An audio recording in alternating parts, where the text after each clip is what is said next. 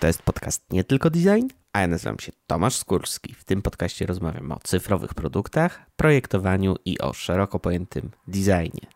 Dzisiejszy 26 odcinek poświęcony jest jednemu tematowi, związanemu z badaniem cyfrowych rozwiązań. Razem z moją rozmówczynią Igą Mościchowską omawiamy kanwę badawczą, czyli prostą technikę, która służy do przeprowadzania bardziej uporządkowanych i bardziej racjonalnych badań.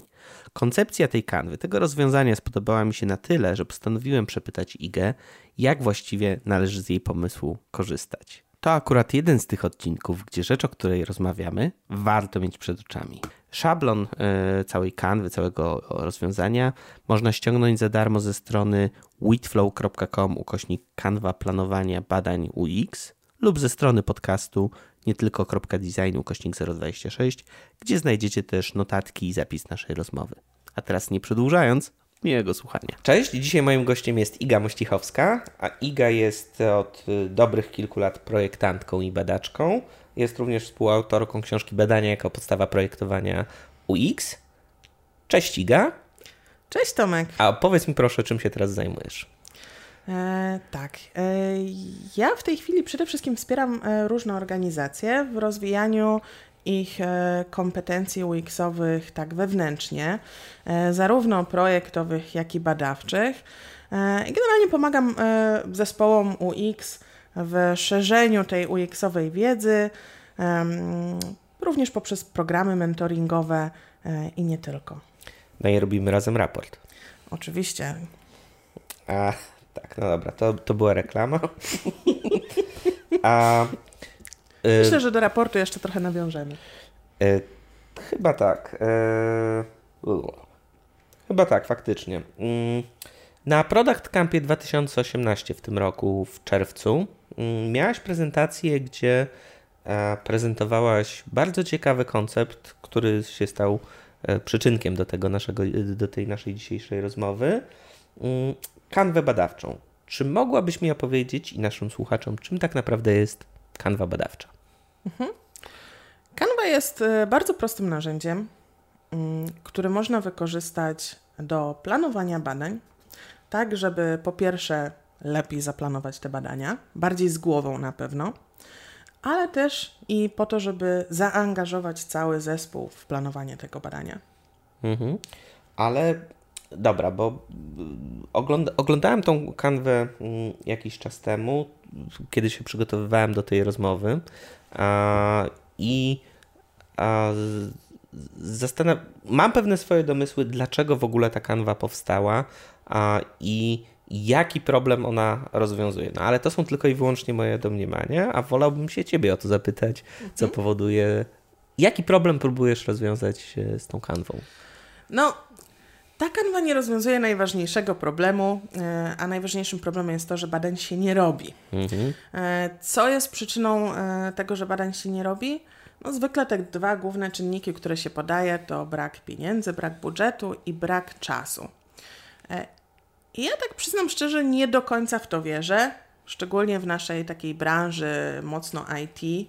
Myślę, że brak budżetu nie stanowi tak naprawdę dużego problemu skoro się znajduje budżet na wypaśny winter party, to czemu nie miałby się znaleźć e, na badania? E, no i wydaje mi się, że przyczyna może leżeć troszkę głębiej, mhm. E, że to, że nie robimy badań, wynika z tego, że nie do końca wiemy, jak to robić, jak to robić dobrze. Nie wiemy do końca, jaką wiedzę możemy uzyskać i jak dużą wartość może nam to dać.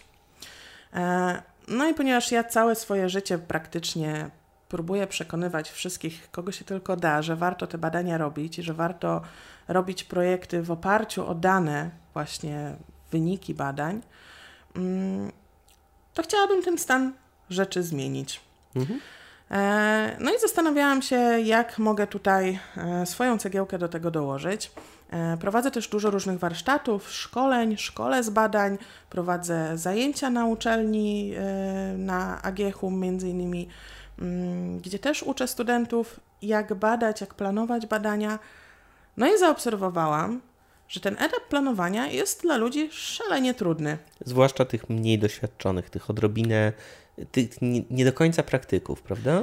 tak, mniej doświadczonych z badaniami, owszem, ale to nie znaczy mniej doświadczonych z projektowaniem czy w ogóle z realizacją projektów, bo nawet super, bardzo doświadczeni, nie wiem, produkt menadżerowie, kierownicy projektu, czy też projektanci, ale właśnie nie mający takiego bycia z metodami badawczymi, też mają zaskakujący, przynajmniej dla mnie zaskakujący problem z planowaniem badań. I to chyba ważne jest, żeby powiedzieć, co to znaczy planowanie badań. Bo to nie chodzi o to, żeby sobie określić, ile my tych respondentów zaprosimy, czy też jaką metodę użyjemy. Znaczy, to też jest ważne, żeby nie było. Oczywiście tak, tylko bardzo często zapomina się o kroku wcześniej.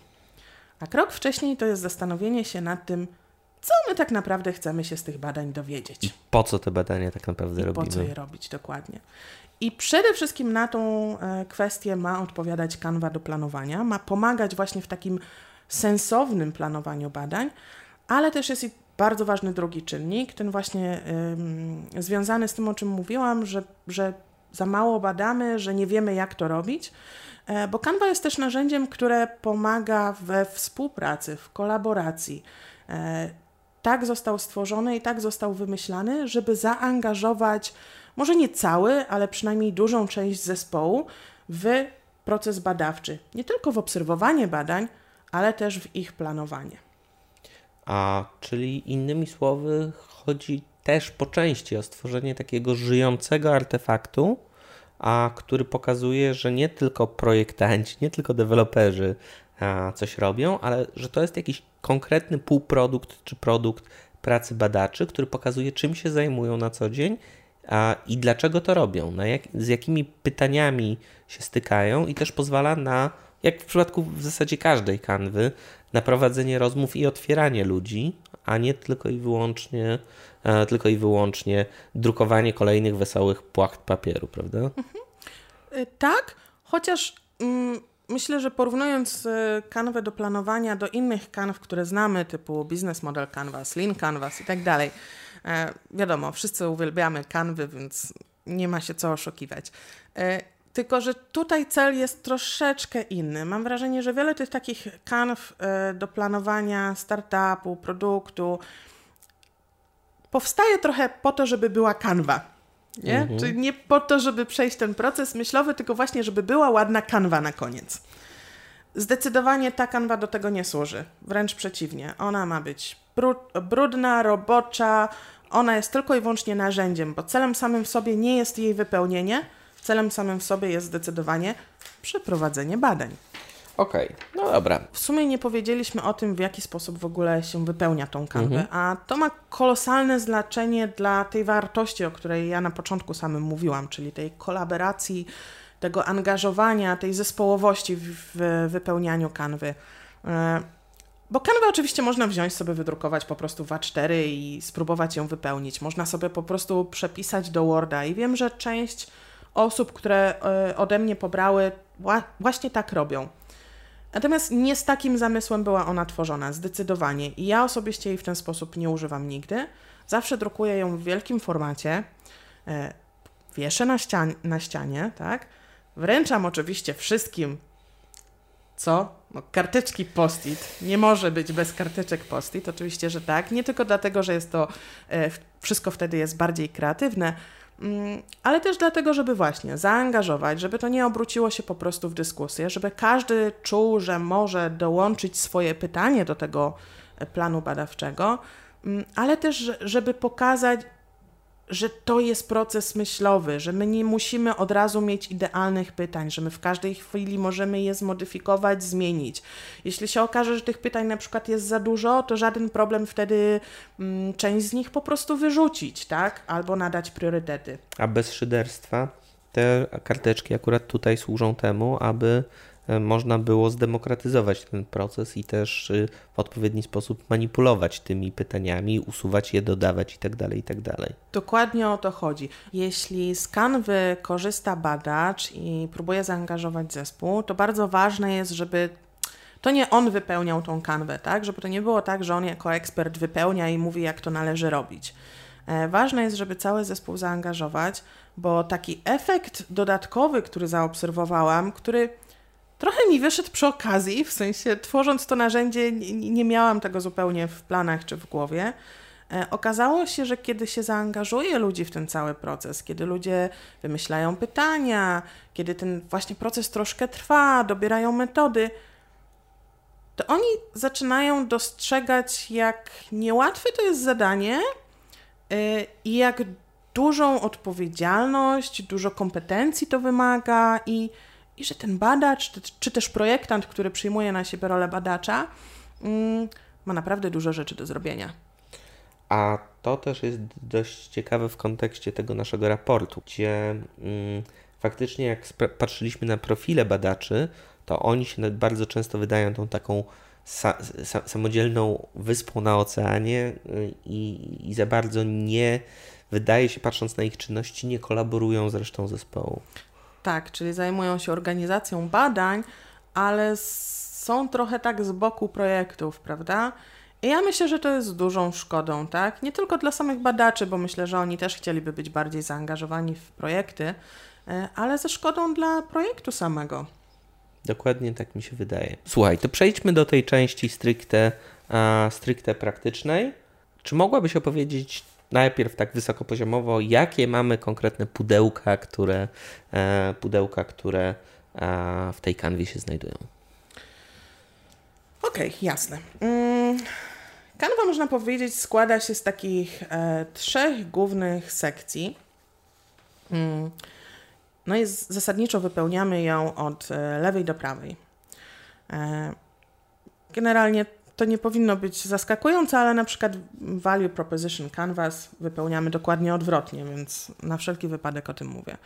E, pierwsza część, która zajmuje spory obszar, bo to jest prawie pół w ogóle całej kanwy, i tak naprawdę wypełnienie tej części zajmuje połowę warsztatu. Mhm. Czasem nawet więcej. I to jest część najważniejsza. E, to, to jest właśnie cel badań. Po co my w ogóle te badania chcemy zrobić? W jakim celu? Co chcemy się dowiedzieć? Czego nie wiemy? Jakie hipotezy chcemy zweryfikować, sprawdzić? Czyli generalnie sama kanwa, czy też jej zastosowanie zmusza zespół do tego, żeby wspólnie razem się zastanowili, co się chcą dowiedzieć. To tak, po pierwsze, mm, pozwala nam lepiej zaplanować badania, ale też idzie, cel jest też trochę inny. Mm, jeśli mamy na przykład super doświadczonego badacza, to on jest w stanie dobrać dobre metody, nie potrzebuje do tego kanwy. Ale jeśli on ma sam wygenerować te cele badawcze, mhm. to jest takie ryzyko, że później przyjdzie project manager na przykład, czy product manager i powie, że źle zrobiliście te badania, w ogóle tutaj nie dowiedzieliście się tego i tamtego, w ogóle wszystko jest do, do bani i do kosza. Albo do czego innego. Nie, żebym mówiła z autopsji oczywiście. Kolega mi opowiadał. Dokładnie. E, w momencie, kiedy my zaprosimy tych interesariuszy, produkt managera, nie wiem, ale też dewelopera, no generalnie osoby, którym zależy na projekcie, e, zaprosimy na taki warsztat i wspólnie razem będziemy się zmożdżać nad tym, co się chcemy dowiedzieć, to na końcu no, on nie będzie mógł powiedzieć, że ej, źle zrobiliście badania, bo przecież sam je planował. Okej, okay, ale tutaj tak naprawdę mm, jest tak dużo miejsca, jak sama powiedziałaś, ale z drugiej strony, a czy nie jest tak, że zazwyczaj jak planujemy badania, to mamy jakiś jeden nadrzędny cel tych badań, że chcemy na przykład zbadać, jak użytkownik e, e, się zachowuje w touchpoincie mobilnym. Albo mhm. chcemy, jeśli chodzi o taki wysokopoziomowy cel, zweryfikować e, jakieś kwestie związane z konwersją. Tak, zdecydowanie. I najczęściej właśnie tak jest, że jak na przykład jeszcze pracując jako agencja Wixowa, jak spływały do mnie briefy, no to właśnie cel badawczy, czy w ogóle pytania, problemy badawcze, to było Chcemy zweryfik- e, zweryfikować użyteczność naszego portalu, serwisu, cokolwiek to akurat było. I pokój na świecie. Tak. No właśnie, to, to, to jest tak ogólne i, i, i tak niewystarczające, że właśnie po to jest tyle tego miejsca, żeby usiąść, i po to jest tyle też czasu na warsztacie przeznaczony na wypracowanie tych bardziej szczegółowych pytań badawczych, żeby faktycznie się zastanowić. Nawet jeśli my po prostu ewaluujemy, no to które części są dla nas ważne? Może na przykład były jakieś obszary w interfejsie, w produkcie, które wzbudzały dużo dyskusji w zespole, wątpliwości, tak? My musimy sobie to wszystko dokładnie zaplanować, żeby potem, jak będziemy tworzyć scenariusz takiego mm, badania, jak będziemy tworzyć zadania na przykład do, do testu użyteczności, żebyśmy czasem tego nie pominęli po prostu, żeby się nie okazało po zakończonych badaniach, że zapomnieliśmy o jednej ważnej sekcji. Temu służy myślenie, tak? Pudełko cel, e, cel badań mamy dość mocno omówione. Ale nie, za, zatrzymajmy się tu na moment, bo to naprawdę jest ważna, e, ważna rzecz. Mm. Zadałeś mi też pytanie, dlatego, dlaczego to jest cel badań, że przecież cel jest jeden. I, I tu masz rację. Mm, ja się muszę przyznać do tego, że e, ta sekcja tak naprawdę nie powinna się nazywać cel badań. Tak? Gdybyśmy chcieli być super poprawni, to powinny tu być tak naprawdę mm, mm, tytuł jakby tej sekcji powinien być e, problemy badawcze i pytania badawcze, tak? To, co generalnie tutaj tworzymy, to tak naprawdę pytania badawcze. Problem polega na tym, że w mojej pierwotnej wersji tak dokładnie było i zaobserwowałam, że kiedy ludzie wypełniają tą sekcję, to piszą pytania do scenariusza badawczego. Czyli piszą takie pytania, jakie chcieliby zadać w wywiadzie, jakie chcieliby zadać w teście użyteczności. Czyli przechodzą, przechodzą, tak mówiąc prosto, już bezpośrednio do e, myślenia nad rozwiązaniem, natomiast nie właściwie przechodzą do rozwiązania, a nie do myślenia nad rozwiązaniem. Dokładnie. Jakbyśmy to mieli porównać do projektowania UX, to trochę tak, jakbyśmy projektowali już kontrolki, tak, przyciski i zastanawiali się nad kolorami, a my jeszcze nie wiemy, kto jest naszym użytkownikiem i jak ma wyglądać interakcja czy architektura informacji. I szukając rozwiązania tego problemu, stwierdziłam, że może lepiej nazwać to mniej poprawnie, ale za to dla większości ludzi bardziej zrozumiale, tak? Cel badań to jest właśnie to, po co robimy badania. I ja na to, kiedy ja prowadzę taki warsztat, to bardzo mocno pilnuję, żeby ludzie nie myśleli tu jeszcze o scenariuszu, nie myśleli o rozmowie z respondentem, ale żeby zadali sobie pytanie sobie sami, co ja chcę się dowiedzieć. E, bo czasami jest tak, że na jedno pytanie, na, jeden, na jedno pytanie badawcze, żeby odpowiedzieć na nie, to my musimy stworzyć całe wielkie zadania w scenariuszu badawczym, stworzyć, nie wiem, e, pięć wielokrotnie złożonych, zagnieżdżonych różnych pytań. A czasami wręcz odwrotnie. A czasami wręcz odwrotnie. Jedno zagadnienie, jedno pytanie w wywiadzie może być odpowiedzią na kilka problemów badawczych. Czyli z tego, co mówisz, to pole tak naprawdę w dużej mierze służy temu, aby spróbować zdekomponować trochę ten nasz problem, który mamy do rozwiązania z jednej strony, a z drugiej, żeby zbyt szybko nie przechodzić do przechodzić do tych pudełek. Nie, miałem tak naprawdę... Zdecydowanie tak. Ale miałem tak naprawdę jakąś mądrzejszą puentę niż, niż, niż to, co powiedziałem. W sensie... Ale to nie było złe. No dobra. Celem tej sekcji jest też dobranie odpowiednich metod, bo właśnie, jeśli rozmawiamy z kimś, kto nie ma dużego doświadczenia, to ja mam taką małą swoją hipotezę, że część firm, organizacji, bądź też ludzi po prostu nie podejmuje się e, tego trudnego zadania organizacji badań, bo po prostu boją się, że zrobią to źle, że nie znają się wystarczająco dobrze, że nie znają metod wystarczająco dobrze, że źle dobiorą te metody. Tymczasem dobranie metody jest moim zdaniem bardzo proste, pod warunkiem, że wiesz, co chcesz osiągnąć. Jak już wiesz, co chcesz osiągnąć, to naprawdę nie jest to wcale takie trudne. E, druga część jest już rozbita na mniejsze kawałki. E, tam mamy kilka elementów. Mamy na przykład element mój ulubiony, który się nazywa zagrożenia. Czemu z kolei to pudełko jest takie małe? E, a to jest dobre pytanie. Wielu osobom przesyłałam już kanwę, wiele osób do mnie w tej sprawie pisało. Dostawałam też feedback. Od razu chciałam wykorzystać okazję i serdecznie podziękować każdej osobie, która mi odpowiedziała takim feedbackiem. E, ja to bardzo doceniam. I właśnie jednym z takich feedbacków było, że czasami wypełniano kanwę kilkukrotnie, czyli w odniesieniu do jednego problemu, do jednego projektu badawczego, przechodzono tą kanwę cztery, trzy razy, e, właśnie po to, żeby zniwelować zagrożenia. Czyli mhm. przechodzono do zagrożeń, tam się pojawiały jakieś elementy, i wtedy zespół stwierdzał, kurczę, jednak musimy to troszkę zmodyfikować, nie wiem, zmienić metodę, zmienić zakres respondentów, tak? I kiedy to robili, to zagrożenie znikało. I myślę, że to też jest szalenie duża wartość. Poza tym, generalnie zagrożenia to jest coś, e, jakby połowa sukcesu, żeby poradzić sobie z zagrożeniami, to zdawać sobie sprawę z tego, że one w ogóle mogą wystąpić, tak? Jak będziesz do nich przygotowany, czy możesz całkowicie je wyeliminować? W większości przypadków nie. Ale fakt, że wiesz, że one mogą się pojawić, sprawia, że jesteś bardziej przygotowany, co zrobić, kiedy one się pojawią. I mniej stresujesz w momencie, kiedy wystąpią. Dokładnie. I ewentualnie możesz też łatwiej zaakceptować ryzyko, e, ryzyko, jeśli wiesz, że dany problem istnieje. Tak, i myślę, że to jest też ważne, żeby właśnie jakby kadra menedżerska często tłumaczy nierobienie badań właśnie tymi zagrożeniami, na przykład to, że możemy, nie wiem, nieodpowiednie osoby dobrać, albo że źle zadamy pytanie i tak dalej. Natomiast jeśli to się zapisze czarno na białym i po prostu stwierdzimy, tak, to jest ryzyko, wiemy o nim, ale mimo to podejmujemy się tego zadania, bo to, co możemy zyskać dzięki tym badaniom, jest o wiele bardziej cenne. Niż potencjalne ryzyko, że coś się nie uda. Dokładnie tak. E, Okej. Okay. Zagrożenia omówione, a respondenci. No tutaj chyba to jest relatywnie no-brainerowe pole. Tak, i właściwie te pola powinniśmy omawiać e, razem, bo tam mhm. jest mowa o respondentach, tam jest roz, e, mowa o tym, w jaki sposób będziemy ich rekrutować, ile w ogóle tych osób będziemy rekrutować, ale jest też mowa o metodzie badawczej i jakich narzędzi będziemy potrzebować, żeby tą metodę mm, po prostu zastosować.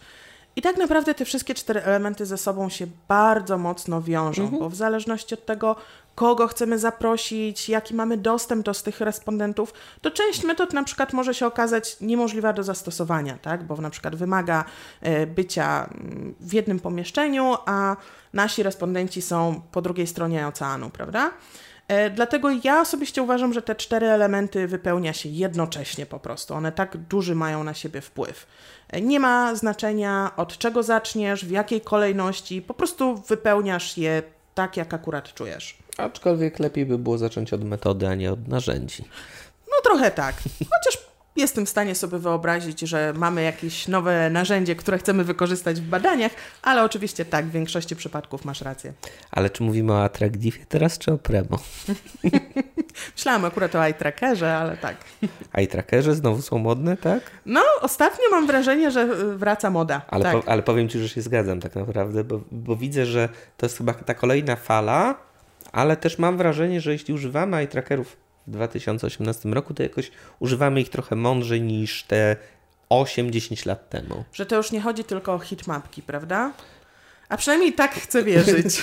yy, tak, właśnie. e, Okej, okay, mamy jeszcze jedno pole. Mamy jeszcze dwa pola. Harmonogram. Mhm. To jak patrzyłem... To na końcu.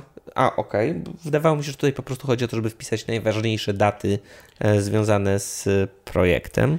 E, z tym projektem badawczym, zdecydowanie tak. Ja jestem zadaniowcem, jestem zawsze tą osobą, która na spotkaniach wyciąga kartkę i ustala, no to co kto robi i na kiedy. Więc pod, temu pod, służy. Potwierdzam, tak jest. Dokładnie. I temu służy właśnie ta sekcja.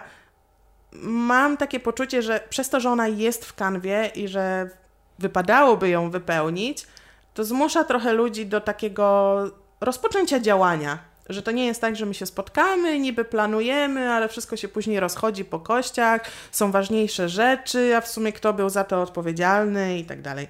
Kiedy to zapiszemy, kiedy napiszemy sobie terminy, kiedy napiszemy sobie osoby odpowiedzialne, to jest chyba nawet jeszcze ważniejsze niż termin, e, to zaczyna nabierać mocy. No i analiza i wyniki. To jest ostatnie pole. Tak, no tak naprawdę zazwyczaj jest wynikiem po prostu metody, której używamy. E, tam jest też mowa o wynikach, tu w dużej mierze chodzi o to, w jaki sposób będziemy prezentować te wyniki i komu, tak? Bo to też jest szalenie ważne, szczególnie w niektórych organizacjach.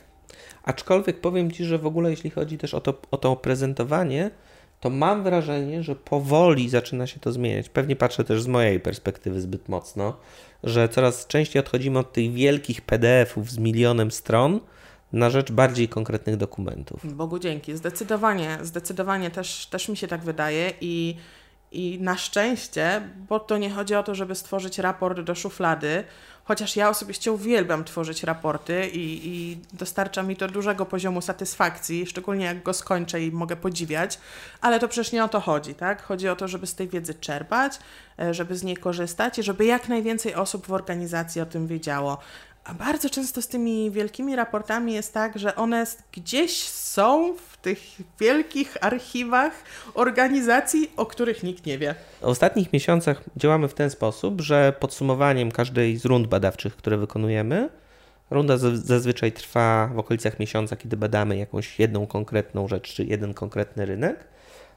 I urobkiem z tego jest stworzenie 10-12 stronicowego PDF-a, który zawiera najważniejsze wnioski i obserwacje, ale jednym z najważniejszych, jedną z najważniejszych stron w tym raporcie jest zawsze lista tiketów, które zostały utworzone do nas, natychmiastowej implementacji. W sensie to jest dla mnie tak naprawdę y, znak tego, że ten pomysł, pomysł, który został i ten cel badań został realnie osiągnięty, że stworzyliśmy coś, co się nadaje do natychmiastowego zaaplikowania na produkt, który rozwijamy. Mhm.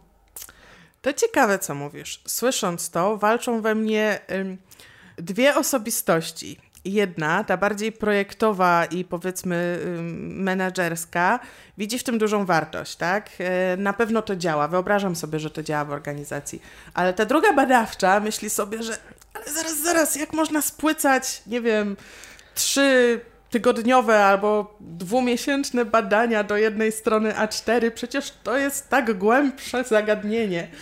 E, ale to ci od razu uzupełnię. Oprócz tego, w ramach tego PDF-a udostępniamy też link do naszego takiego surowego materiału badawczego, dużego Excela, który zawiera e, kilkadziesiąt czy czasem kilkaset naszych obserwacji i wniosków, czyli takiej mhm. typowej surówki, żeby można też, e, żeby wszyscy nasi i deweloperzy, i projektanci, i biznes mhm. mógł faktycznie zrozumieć lepiej kontekst tego, tego okay. środowiska, w którym przeprowadzaliśmy badanie. Ktoś tam zagląda? Tak. Sam byłem, patrząc na logi, sam byłem zaskoczony, jak dużo osób. Okej, okay, to super. To, to też tak naprawdę bardzo dobrze świadczy o Waszej organizacji. Ja osobiście jestem wielkim zwolennikiem warsztatów, ale to Ciebie nie powinno dziwić, bo ja generalnie jestem zwolennikiem warsztatów i lubię je prowadzić. Natomiast yy, widzę, aha, może zdefiniujmy sobie warsztaty, bo to też element naszego raportu badawczego. Yy, dla mnie warsztat jest wtedy, warsztaty są wtedy, kiedy e, cały zespół pracuje, cały zespół podejmuje decyzje. To nie jest po prostu spotkanie i dyskusja i rozmowa, a już zdecydowanie to nie jest po prostu prezentacja raportu. Ani nie jest to też spotkanie z klientem. Dokładnie. Tylko to jest ten moment, kiedy spotykamy się z zespołem, omawiamy wyniki i zastanawiamy się, jakie przełożyć na decyzje projektowe, jakie przełożyć na artefakty projektowe. Czyli na przykład, jeśli robię badanie potrzeb, tak, to na końcu takiego badania robimy warsztat. Na, warsztacie, na warsztatach omawiam, omawiamy wnioski ale też wspólnie z zespołem. Na bazie tego na przykład tworzymy persony, na przykład tworzymy mapę podróży użytkownika, czy też jakiekolwiek inne narzędzie projektowe, które sobie wybierzemy, ale to kluczowe, ono powstaje w oparciu o wyniki badań. Czego należało dowieść? E, ok, powiedz mi jeszcze dwie rzeczy. Skąd można pobrać tą kanwę?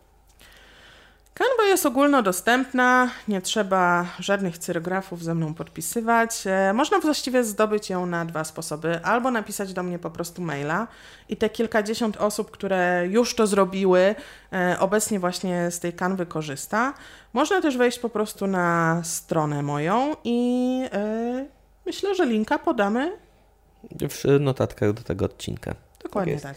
A drugie pytanie o kim wiesz, że w tym momencie zainteresował się bądź korzysta z kanwy? Tak jak wspominałam, kilkadziesiąt osób do mnie w tej sprawie już e, pisało e, w różnym okresie, po różnych też e, moich bytnościach gdzieś na konferencjach. I to były różne firmy, bo zarówno agencje takie UX-owe czy interaktywne pracujące dla swoich klientów, jak i firmy produktowe, które rozwijają produkt, czy software house'y. E, z takich może większych, e, które myślę, że mogłabym wymienić, na pewno nie będzie żadnym e, zaskoczeniem, jak wymienię tutaj Pracuj, bo dziewczyny same się do tego przyznały na konferencji UX Poland, więc nie zdradzam tu żadnych tajemnic. I zresztą bardzo miło mi było usłyszeć, że z tego skorzystały, szczególnie, że projekt, o którym na UX Poland opowiadały, to było kilkanaście różnych projektów badawczych zrealizowanych, więc co najmniej kilkanaście razy kanwa została użyta. E, wiem, że też e, była wykorzystywana w, poza granicami Polski, e, w norweskim banku DNB. I kilka innych takich firm jeszcze by się znalazło, ale nie jestem pewna, czy mogę o nich mówić. Znaczy, dla mnie największą wartością tej kanwy, jak się zastanawiałem nad tym, jest to, że ja widzę w niej wielką wartość komunikacyjną. Tak jak ja nie znoszę kanw, o czym Ci wielokrotnie też mówiłem, tak e, ten produkt, ten pomysł wydaje mi się bardzo, bardzo sensowny. Mhm. Mm, no, oczywiście miło możesz, możesz powiedzieć dziękuję na przykład. Oczywiście miło mi to słyszeć, tak? Zdecydowanie dziękuję. Dziękuję Ci bardzo, Iga. A dzisiaj moim gościem była Iga Mościchowska, a to jest podcast Nie Tylko Design. Dziękuję bardzo. I to już wszystko na dzisiaj. Kanwy, o których była mowa w dzisiejszym odcinku, możecie pobrać ze strony witflow.com ukośnik kanwa minus planowanie minus badań minus UX lub ze strony podcastu nie tylko.design ukośnik 026. Tam też będzie tradycyjnie zapis naszej rozmowy. Do usłyszenia niebawem.